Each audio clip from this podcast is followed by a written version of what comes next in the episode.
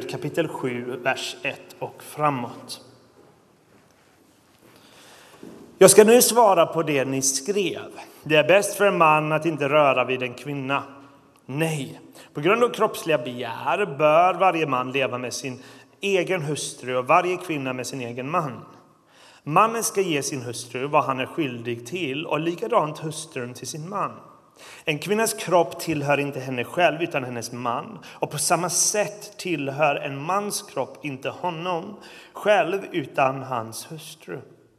Håll er inte ifrån varandra utom under en kortare tid och då bara om ni är överens om att ni båda vill koncentrera er på att be. Sedan ska ni komma tillsammans igen, annars kan Satan fresta er eftersom ni inte kan leva avhållsamt. Men detta, men detta sista säger jag som en tillåtelse, inte som en befallning. Helst skulle jag önska att alla levde som jag. Men var och en har sin nådegåva från Gud. Den ena har, den, eh, har denna och den andra en annan. Till ogifta och änkor vill jag säga det är bättre att förbli som jag. Men om de inte kan leva avhållsamt bör de gifta sig. Det är bättre att gifta sig än att vara upptänd av begär. Så lyder Herrens ord. Gud, vi tackar dig.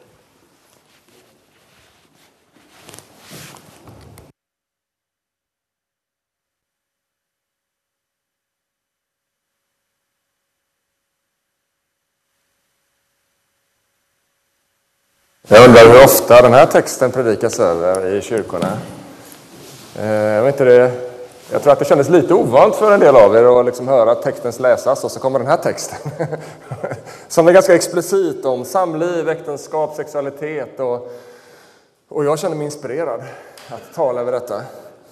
Eh, jag är också lite sådär bävande därför att sexualiteten är på något sätt så i vår tid kopplad med, har vi kopplat den till vår identitet och det är liksom eh, en het potatis i vår tid. Men jag tror att allt Guds ord är liv för den som finner det, den, det. Det var svårt att hitta rätt. Inte ens vad det heter, pronomen eller vad heter det? Så, inte.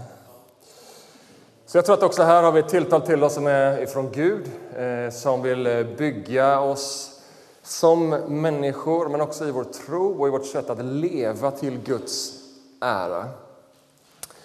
Eh, så jag hoppas att du har som jag säger, att du vill tolka mig rätt idag. Det är ju så att man får liksom väga på orden lite grann när man talar om sånt här ämne. Så jag hoppas att du sitter med ett visst mått av ödmjukhet, men också med ett öppet hjärta att få ta emot det som jag tror är ifrån Gud till dig. Och det är ju så att vi är mitt i ett sammanhang där Paulus i tre kapitel undervisar om sexualitet Eh, och utmaningar som församlingen i Korint har kring kroppen, frågor om kroppen, kring frågor om relationer. Eh, och Korint utmanades i dessa frågor av sin samtid. Precis som också vi i vår samtid utmanas, vi som kristna utmanas i vår samtid av frågor som rör sexualitetens roll och sexualitetens sammanhang. Vi formas ju så lätt av den tid vi lever i. Om vi inte är medvetna om hur vi lever och hur vi tänker så formas vi per automatik av den tid vi lever i. Och sexualitet var centralt i den grek grekoromerska kulturen, inte minst i Korint som på något sätt hade liksom en, till och med en så glorifierad syn av prostitution och av liksom sexuellt utsvävande liv. Men sexualitet står också idag på den politiska och kulturella agendan i vår tid. Och kyrkan utmanas att precis som i Korint så utmanas vi att inte bli en avspegling av den stad vi lever i utan att vi får bli en avspegling av den stad vi är på väg emot. Så därför finns det ett tilltal till oss idag i den här texten. Att vi låter oss formas, inte av vår samtid i hur vi tycker och tänker om saker och ting, utan primärt om vad Gud tycker och tänker om saker och ting.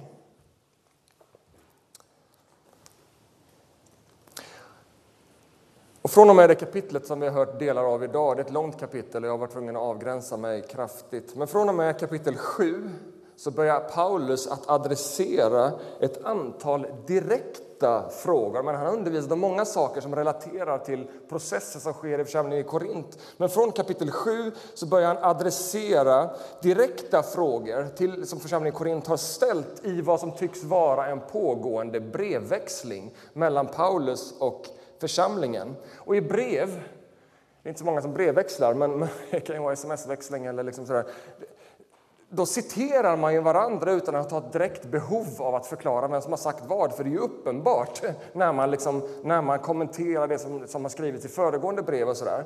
Så Därför så måste man vara lite varsam när man läser breven i Bibeln så att man förstår när citeras någon annan och när är det faktiskt till exempel då, i den här texten Paulus som talar eh, eh, eh, eh i sig själv.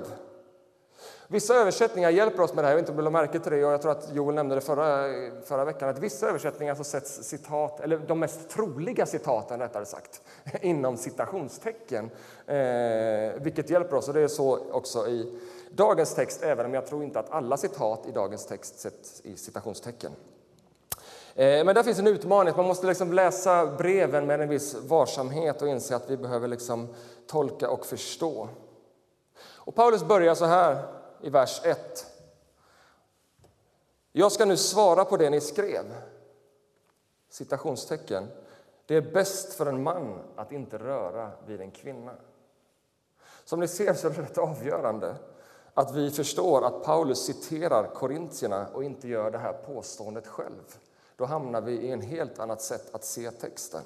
Det är bäst för en man att inte röra vid en kvinna. I församlingen i Korint, och för dig som var här förra veckan, så finns det en viss mått av repetition i början, men jag tror vi behöver liksom lägga en grund för att komma in i det vi ska prata om idag. I församlingen i Korint så verkar det ha funnits två läger när det kom till sexualitet.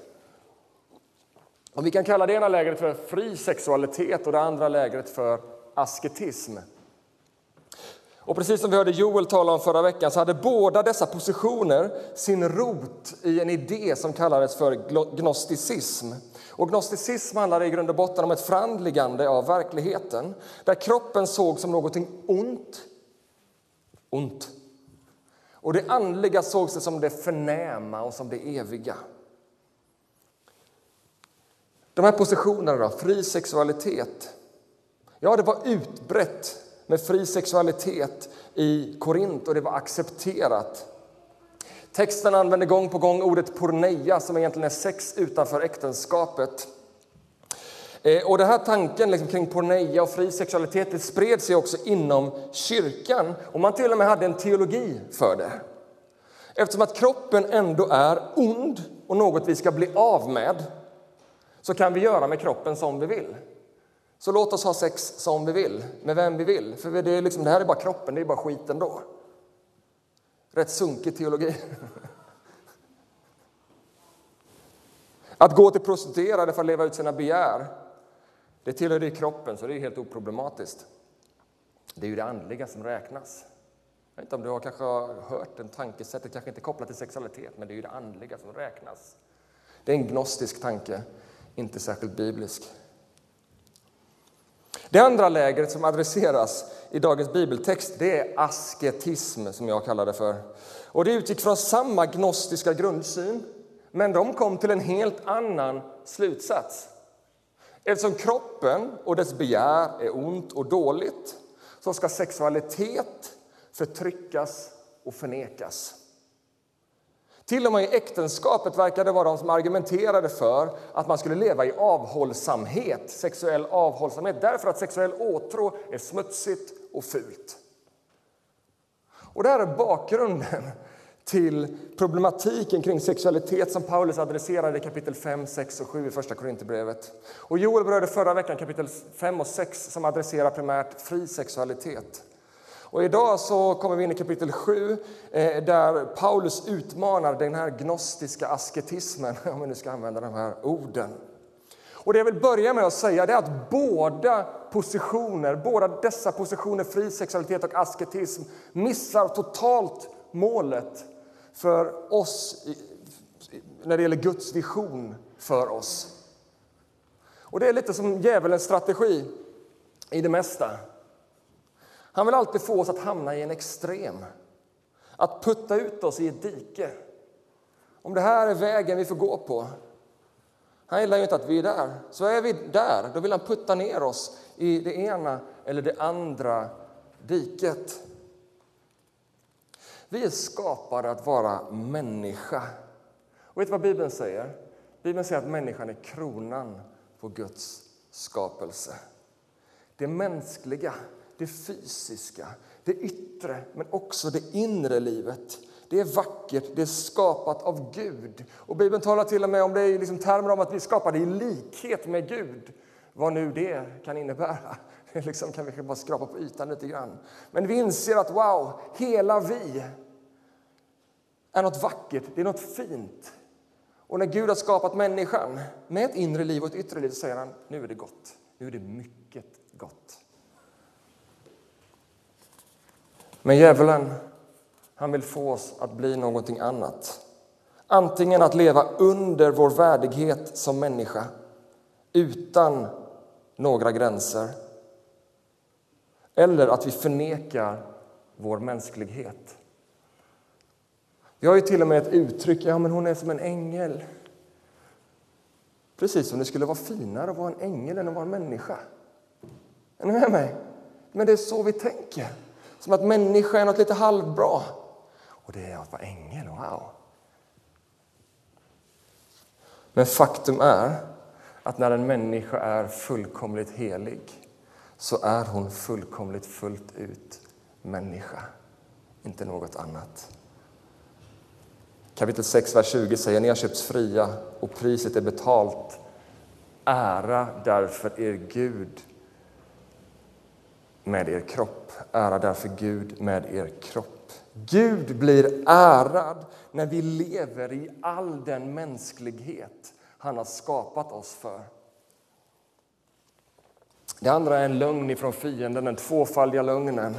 Nej, men inom Guds ramar. Fy vad tråkigt! Det här så extremt sunkigt. Att leva så, det är ju fattigt, du går ju miste om allting. Bryt normer, bryt regler, tänj på alla gränser.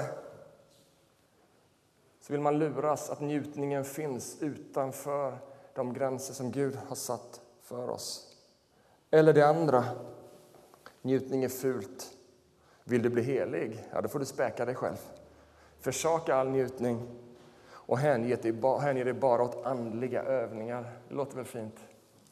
Båda missar målet. Båda är lögn. Och det är vad Paulus adresserar i dessa kapitel. Därför säger Paulus som en respons på korintiernas asketism, deras förslag att ja, alla ska leva i sexuell avhållsamhet, eller hur Paulus? Nej, säger Paulus i vers 2. På grund av kroppsliga begär bör varje man leva med sin egen hustru och varje kvinna med sin egen man. Och nu är det inte så att Paulus talar om att leva innanför fyra väggar. liksom, ja, här ska ni leva och liksom, eh, laga mat och så. Ja, det finns ju med där också. Men språket som Paulus använder är explicit sexuellt. Kroppsliga begär. Och när man läser den här texten så kan man bara begär. För oss så kan det låta som något negativt. Så liksom som att Paulus har en väldigt negativ syn när han talar om sexualiteten. Men det är inte det som ligger i det här ordet. Begär kan klinga negativt för oss, men vad Paulus menar istället, om du har en sexuell längtan, om du känner åtrå, om du känner passion, om det finns pirr i din kropp, är du med mig? Det är inte något fult. Inte något smutsigt. Inte något som står i strid mot det andliga. Sexualitet är någonting vackert, något fint, något underbart skapat av Gud, gett till oss för Guds syfte att uppfylla jorden och för vår njutning och glädje. Jag vill säga till dig, känn inte skam över sexualitetens påminnelse i din kropp. Känn inte skam. Jag tror att det tyvärr är allt för mycket inom kyrkan och frikyrkan så har vi liksom läst på ett fel sätt så det väcker skam. Att man känner att men jag, det händer något i min kropp. Ja, det är vackert. Det är underbart. Det är liksom någonting som är en del av att vara människa.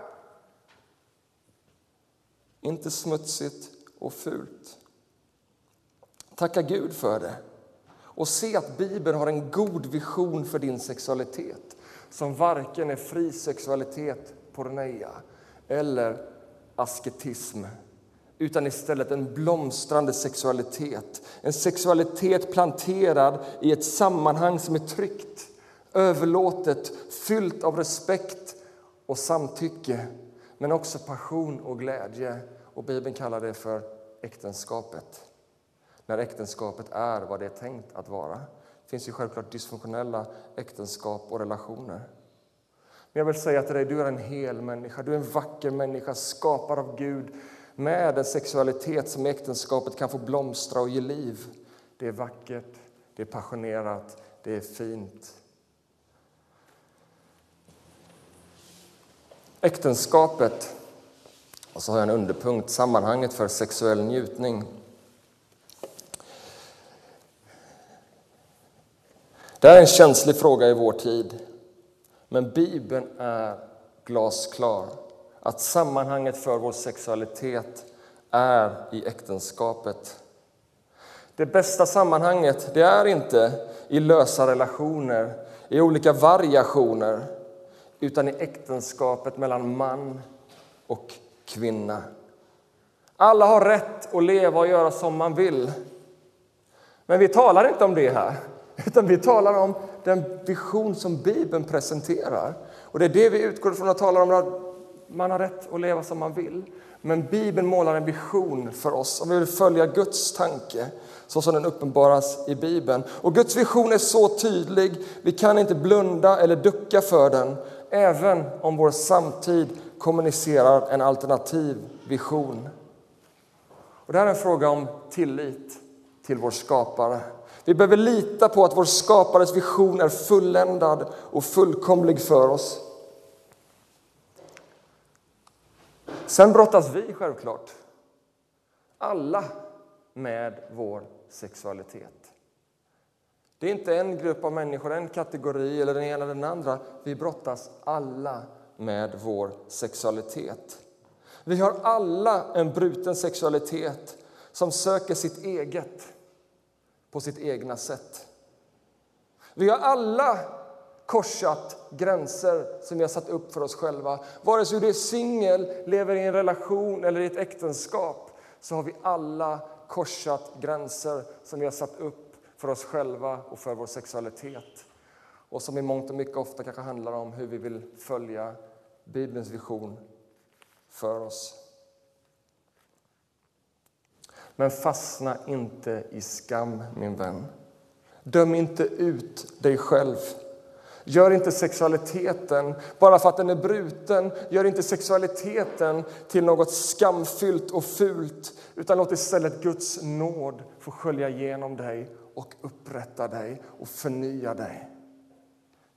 Oavsett vårt nuläge så finns alltid nåd till förlåtelse, helande och upprättelse. Alltid en möjlighet att börja på nytt och placera våra liv och våra kroppar i Guds goda vision för oss. Och Vi får lita på att det är där som vi får blomstra och att vi får finna vår fulla mening.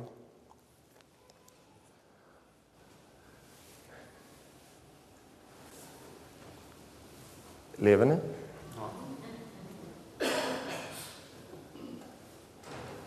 Gött, då fortsätter jag.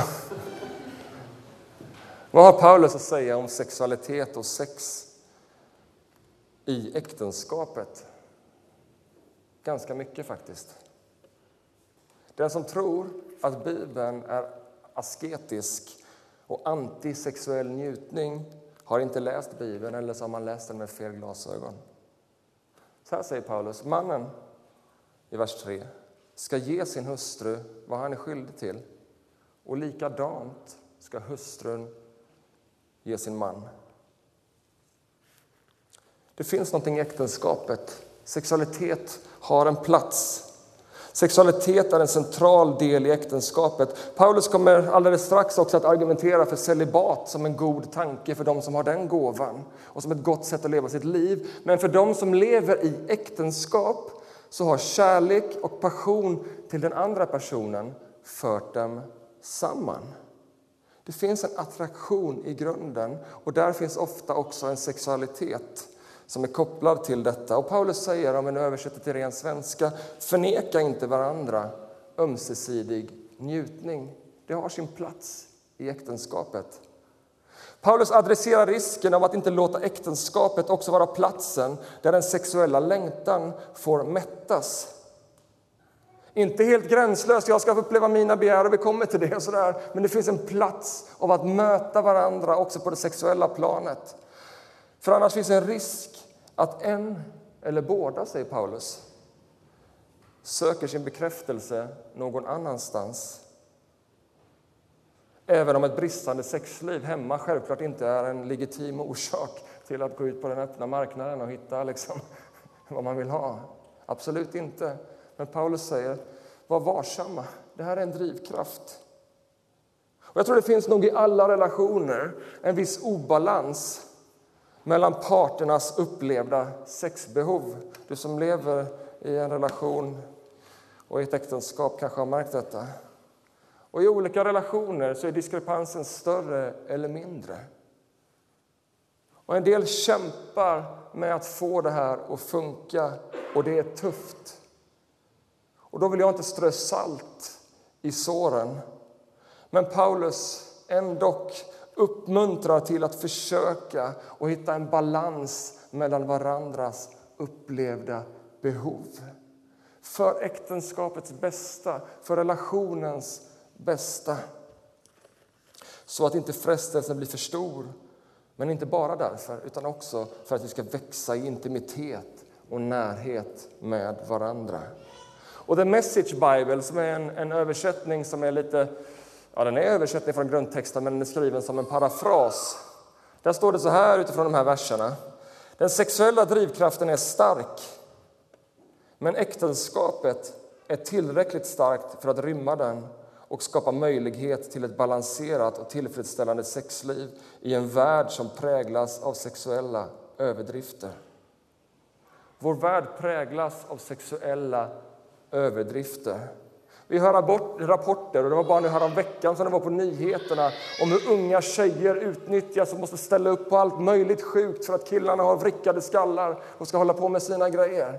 Så man skadar den andra parten. Vi lever i en värld av sexuella överdrifter. Hur kan vi då stå och förespråka en fri sexualitet och jag ska söka mitt eget och jag ska ha det på mitt sätt? Vi borde vakna upp, och här borde kyrkan också vakna upp och inse att det finns något attraktivt i det som Bibeln har att presentera. Skev sexualitet, ojämlikhet, förnedrande sex, det hör inte hemma någonstans. Men däremot så är äktenskapet en plats där vår sexualitet kan rymmas, men också formas. För jag vet inte om du har märkt det, men de, att du, du har en sexualitet som faktiskt behöver också formas. Inte bara rymmas, utan också formas. Äktenskapet är den platsen, en miljö av ömsesidighet. Ett äktenskap som är byggt på jämlikhet och respekt. Det bygger ett sammanhang för trygg, men också passionerad sexualitet. Men det innebär inte, som jag redan har sagt, att det bara därför per automatik man gifter sig så fungerar det här helt perfekt och smärtfritt. Det kan vara kämpigt att få det att funka, man kan ha olika förväntningar, olika erfarenheter i bagaget, man kan vara i olika lägen i livet. Men blunda inte för sexualitetens kraft, utan prata med varandra. Ignorera inte, utan var öppna Annars kan frestelsen bli för stor för den ena eller för båda. Sen vill jag också säga att sex må vara viktigt i ett äktenskap, men det är långt ifrån allt. Det är inte det centrala. Men det är en stark kraft, så jag vill uppmana er att faktiskt lever du i en äktenskapsrelation, att sök samsyn och ömsesidig respekt i hur ni väljer att leva tillsammans. Många som skiljer sig anger dåligt sexliv som en grund för skilsmässa. De behöver läsa Paulus Första Korinthierbrevet kapitel 7, vers 10. Det är ingen grund för skilsmässa att ha ett dåligt sexliv. Det går att leva gott tillsammans ändå. Men Paulus förnekar inte kraften och gåvan och liksom hur stort inflytande den kan ha. Eh, och vi behöver upp, utforska det här området i vårt samliv, i äktenskapet. En sak till jag vill säga om detta är att det finns en väldigt viktig distinktion i texten. Paulus säger ge. Mannen ska ge. Kvinnan ska ge till den andra parten. Sann kärlek kräver aldrig sin rätt och sin plats. Den kräver aldrig jag ska ha det här, du är skyldig mig, du ska det här. Sann kärlek kräver aldrig. Jag tror att ordvalet är rätt viktigt, att Paulus två gånger i texten betonar att man ska, det handlar om att ge, ett ömsesidigt givande. Det handlar om vad kan jag ge dig? Hur kan jag tillfredsställa dig? Hur kan jag möta dina behov? Och I det här skulle jag vilja säga, och ni som följer mig på Instagram har redan hört mig säga detta, att den kristna visionen för sexualitet är helt unik. Där sex ses som ett förenande och enande ett givande i ömsesidig respekt och ett uttryck för parets fundamentala jämlikhet och tillhörighet. Och Det leder oss in på nästa punkt kring äktenskapet, jämlikhet. En punkt som måste varit så radikal och så omvälvande för sin samtid. Vers 4. En kvinnas kropp tillhör inte henne själv utan hennes man. Och på samma sätt tillhör en mans kropp inte honom själv utan hans hustru. Och om man läser bara första halvan av den här versen så sätter man ju till och med centrokaffet i halsen. Vadå? Mannen äger kvinnan? Ja, för oss i vår tid så är det ett chockerande sätt att uttrycka sig. Men det här var helt självklart i det grekisk-romerska samhället. Jag tror kanske utöver hela världen i stort sett på den tiden. Det var en självklarhet. Paulus använder ett språkbruk här som var liksom allmänt vedertaget. Det var helt självklart att man i en grekisk-romersk kontext såg kvinnan som sin egendom. Hur fel det än är, så var det så det var. Så det var inget konstigt när Paulus säger ja, kvinnan tillhör mannen, det är mannens egendom. Men det som kommer sen är helt chockerande och omvälvande för sin samtid. Det är liksom, Bibeln är så radikal in i sin samtid och när vi förstår det är den också radikal in i vår tid. Därför att Paulus säger precis tvärtom. På samma sätt så äger inte mannen sin egen kropp utan kvinnan äger den. Kanske inte så chockerande i vår samtid, men där så radikalt. Och Gordon Fee, eh, en, en känd teolog, han säger i sin kommentar på texten Against the highly patriarkala samhället av antiken så, så står den här ömsesidigheten i skarp kontrast. De flesta kristna män skulle bli chockerade över tanken att deras kroppar tillhörde deras fruar. Bibeln är inte feministisk. På samma sätt är Bibeln inte heller maskulinistisk. Finns det ett sånt ord? Gud är inte det ena eller det andra. Gud är inte i ett dike. Gud skapade oss totalt, fundamentalt jämlika. Paulus beskylls ibland för att sitta i ett dike, men här kan vi slå fast att Paulus är så radikal och så tydlig att Guds tanke är jämlikhet. Och faktum är att Paulus bara i det här kapitlet gör tolv påstående vad gäller en man och en kvinnas relation att leva tillsammans. Tolv påståenden. Och i alla påståenden så är det helt ömsesidigt. Kvinnan ska det här, ja, mannen också, mannen ska, ja, och kvinnan också. Vid alla tolv tillfällen här målas en vision av jämlikhet och ömsesidighet. Vi behöver inte mer feminism eller maskulinism. Vi behöver en renässans av Bibelns vision kring jämlikhet. Bibelns vision kring sexualitet, skaparens tanke. Och till sist om äktenskapet, vers 5. Håller inte ifrån varandra utom under en kort tid och då bara om ni är överens om att ni båda vill koncentrera er på att be. Sedan ska ni komma tillsammans igen, annars kan Satan fresta er eftersom att ni inte kan leva avhållsamt. Men det, detta sista säger jag som en tillåtelse, inte som en befallning. Paulus går asketerna lite grann till mötes. Och han säger att det inte är inte helt fel ute. Det kan finnas perioder, ni vet fasta. Det är liksom lite att avstå någonting för att få tid för att be och söka Gud. Det är lite som att Paulus ger tillåtelse för att ja, ni kan komma överens om i ett äktenskap att nu bara lägger vi ner det här spelet som nu ska ske här för att vi ska få till det ikväll här och det ska bli bra. Och så här. Bara skippa det nu ett tag och så bara, så bara ber vi. Ja, säger han, det här är ingen befallning, ni behöver inte göra så här. Men det är helt okej okay om ni vill.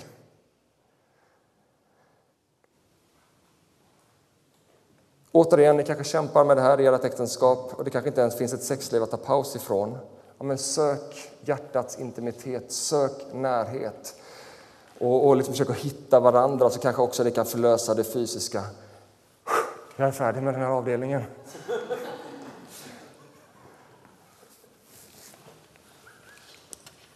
Nu står det celibat. En lika välsignad livsform. Helst, säger Paulus i vers 7, skulle jag önska att alla levde som jag. Men var och en har sin nådegåva från Gud. Den ena har denna och den andra har en annan. Vad vi förstår av detta, och vi kan förstå det, och vi vet är att Paulus levde som singel. Vi vet inte om det alltid har varit så. Han kan ju vara enkeman eller hans fru kan ha lämnat honom. Vi vet inte. Men vi vet att han nu lever i avhållsamhet. Och Paulus, han är liksom blund, eller vad säger man? Han, han liksom, eh, skymmer inte att han gillar sitt sätt att leva. Faktum är att han rekommenderar det. Och han gör det i den här versen och han gör det återkommande längre fram i kapitlet med tydlighet. Och det finns flera möjliga bakgrunder till varför han gör det. En del har tolkat det som att han menar just detta att, att liksom det skulle vara mer andligt att leva i celibat. Men det hoppas jag att du utifrån hittills i min predikan har förstått att inte han, han har inte den ståndpunkten och det verkar inte vara hans position. Men det han helt uppenbart säger det är att singelliv och celibat det är inte second best utan precis jämlikt med äktenskapet, en vacker gåva ifrån Gud. Paulus säger att det här är två fullt ut lika välsignade livsformer, båda med utmaningar, båda med välsignelser och med möjligheter. Och han använder ordet nådegåva som han längre fram kommer att använda för liksom att tala i tungor och bota sjuka och liksom de olika saker. Det är liksom en gåva ifrån Gud. Liksom det är som att det finns en gåva av liksom att, att vara gjord för äktenskap eller vara gjord för celibat. Det verkar som att det liksom, Paulus talar om det i de kategorierna. Så det innebär att vi har liksom olika förutsättningar och kanske finns det en gråzon däremellan också, eller det är klart att det gör det. Men har du som man ingen längtan efter en kvinna, eller du som kvinna ingen längtan efter man, då säger Paulus förbli då som du är. Varför ska du jaga någonting du inte är intresserad av? Och lev ditt liv till fullo. Ta tillvara på de möjligheterna det innebär och förhärliga Gud i det.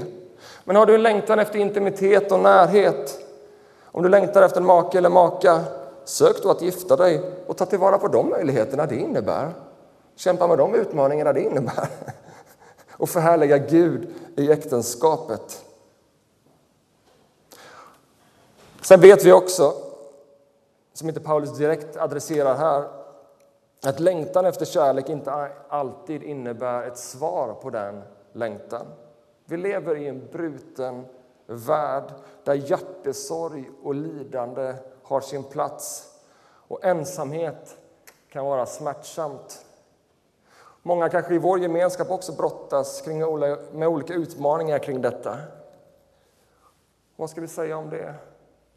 Men låt oss som kristen gemenskap vara en gemenskap som är på riktigt, som är öppen för alla, där vi tar ansvar för varandra, där vi ser varandras ensamhet och gör någonting åt den, där vi liksom bjuder in till högtider, där vi liksom visar en genuin och äkta kärlek så att kyrkan också får vara ett svar på människors ensamhet. Och självklart så önskar vi att du som längtar ska finna kärleken. Men om det inte sker så vill jag säga det innebär inte ett fattigt liv. Utan läs Paulus och se att han fröjdas över möjligheterna att få leva så som han gör. Men självklart så ber vi om du längtar att du ska finna kärleken runt hörnet. Oj. Till sist.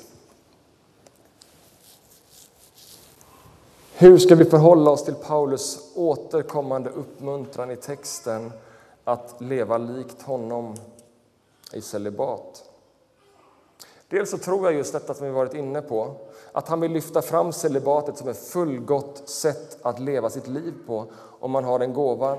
Men också för den som inte valt det, det bara blev så, så kan du leva ett fantastiskt liv. Och på den tiden celibat var ingenting alls, som man liksom, det var inte ett vanligt, det var inget man lyfte fram och jag tror inte det är så i vår tid heller. Men Paulus han lyfter upp det. Se, det finns två rika sätt att leva sitt liv på. Men jag tror också att vi finner delvis vårt svar i vers 26 där det står så här. Paulus säger, jag anser alltså att det är bäst att förbli vad man är med tanke på den svåra tid vi lever i. Så Paulus upprepade liksom, eh, eh, eh rekommendation att leva som han har delvis sin grund i detta med tanke på den svåra tid vi lever i. Och troligtvis så refererar han till den förföljelse som den tidiga kyrkan fick utstå. Det var tufft att vara kristen på den här tiden, som det också kan vara i vår tid på många delar av vår värld. Men sannolikt också så kan han adressera den hungersnöd som fanns i, i, i riket under den här tiden, som drabbade regionen. Och Det var utmanande att ta hand om sig själv och liksom få det att funka. Ska man dessutom ta hand om en familj, så kanske det är en tuff tid. Chilla, förbli vad ni är. Dra inte på er mer bekymmer. Jag tror också kanske att han vill sätta fingret på att äktenskapet inte är enkelt. Det kommer inte bara göra ditt liv till en dans på rosor att du gifter dig. Utan det finns utmaningar också i det livet. Att leva själv är kanske inte alltid så dumt. Men en mer. Kände ni eftertrycket? Men än mer så tror jag att Paulus vill sätta fokus på det som är långt viktigare än både celibat och äktenskap, nämligen vårt liv och vår relation och vår gemenskap med Gud själv. Om du sätter ditt hopp till att sexualitet och äktenskap ska ge ditt liv sin fulla mening och tillfredsställelse om du sätter ditt hopp till att avhållsamhet och celibat ska ge ditt liv sin fulla mening och tillfredsställelse då missar vi det viktigaste. Då kommer du lägga allt för stor börda på ditt äktenskap. Då kommer du lägga allt för stor börda på din partner och det kommer väcka besvikelser och frustration att det inte blev himmelriket på jorden bara för att du gifte dig. Du kommer kräva allt för mycket av att göra någonting av alla dina möjligheter som det innebär att leva i celibat och singel och den bördan kan krossa dig. Det vi istället behöver se, och det är det jag tror Paulus målar bakomliggande här, att det finns någonting som går bortom, där vi kan försöka vår fullständiga tillfredsställelse, vår fullständiga njutning i Gud själv. Och Paulus talar i vers 29 och 32 om massa olika saker som kan ge livet glädje och mening. Äktenskap, arbete, ägodelar och konsumtion. Han tar upp många saker. Saker som kan vara fantastiska, men saker som tillhör jordelivet. Skratt är bra, äktenskap är bra, att äga är bra. Finn glädje och tillfredsställelse i allt detta, men försök inte att göra det till den yttersta meningen i ditt liv. För då kommer du jaga och jaga och till slut slukas av ditt jagande och ouppfyllda önskningar. Du kan ha överflöd av liv som gift och som ogift.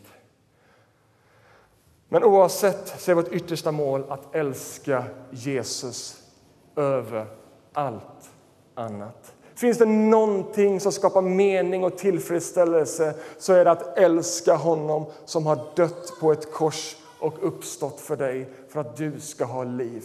Är det någonstans du ska söka din yttersta glädje, din yttersta bekräftelse så är det hos honom som blev lagd i en grav men på tredje dagen uppstod för att du och jag skulle ha gemenskap med Gud, för att vi skulle dela en evighet med honom. Att älska Herren min Gud av hela ditt hjärta. Det är den viktigaste kärleken, det är det viktigaste livsbeslutet. Det finns inget annat som kan jämföras och där får du känna dig rätt och hemma. Du kanske inte känner dig hemma i din sexualitet. Hos Gud kan du få känna dig rätt och hemma. Du kanske inte känner dig hemma i ditt läge i livet. Hos Gud kan du få känna dig rätt och hemma. Fri och tillhöra, vara älskad och bejakad, utvald och kallad för oss Gud och endast hos honom. Och när vi finner oss funna av honom, då är vi älskade av honom som älskar oss gränslöst. Amen.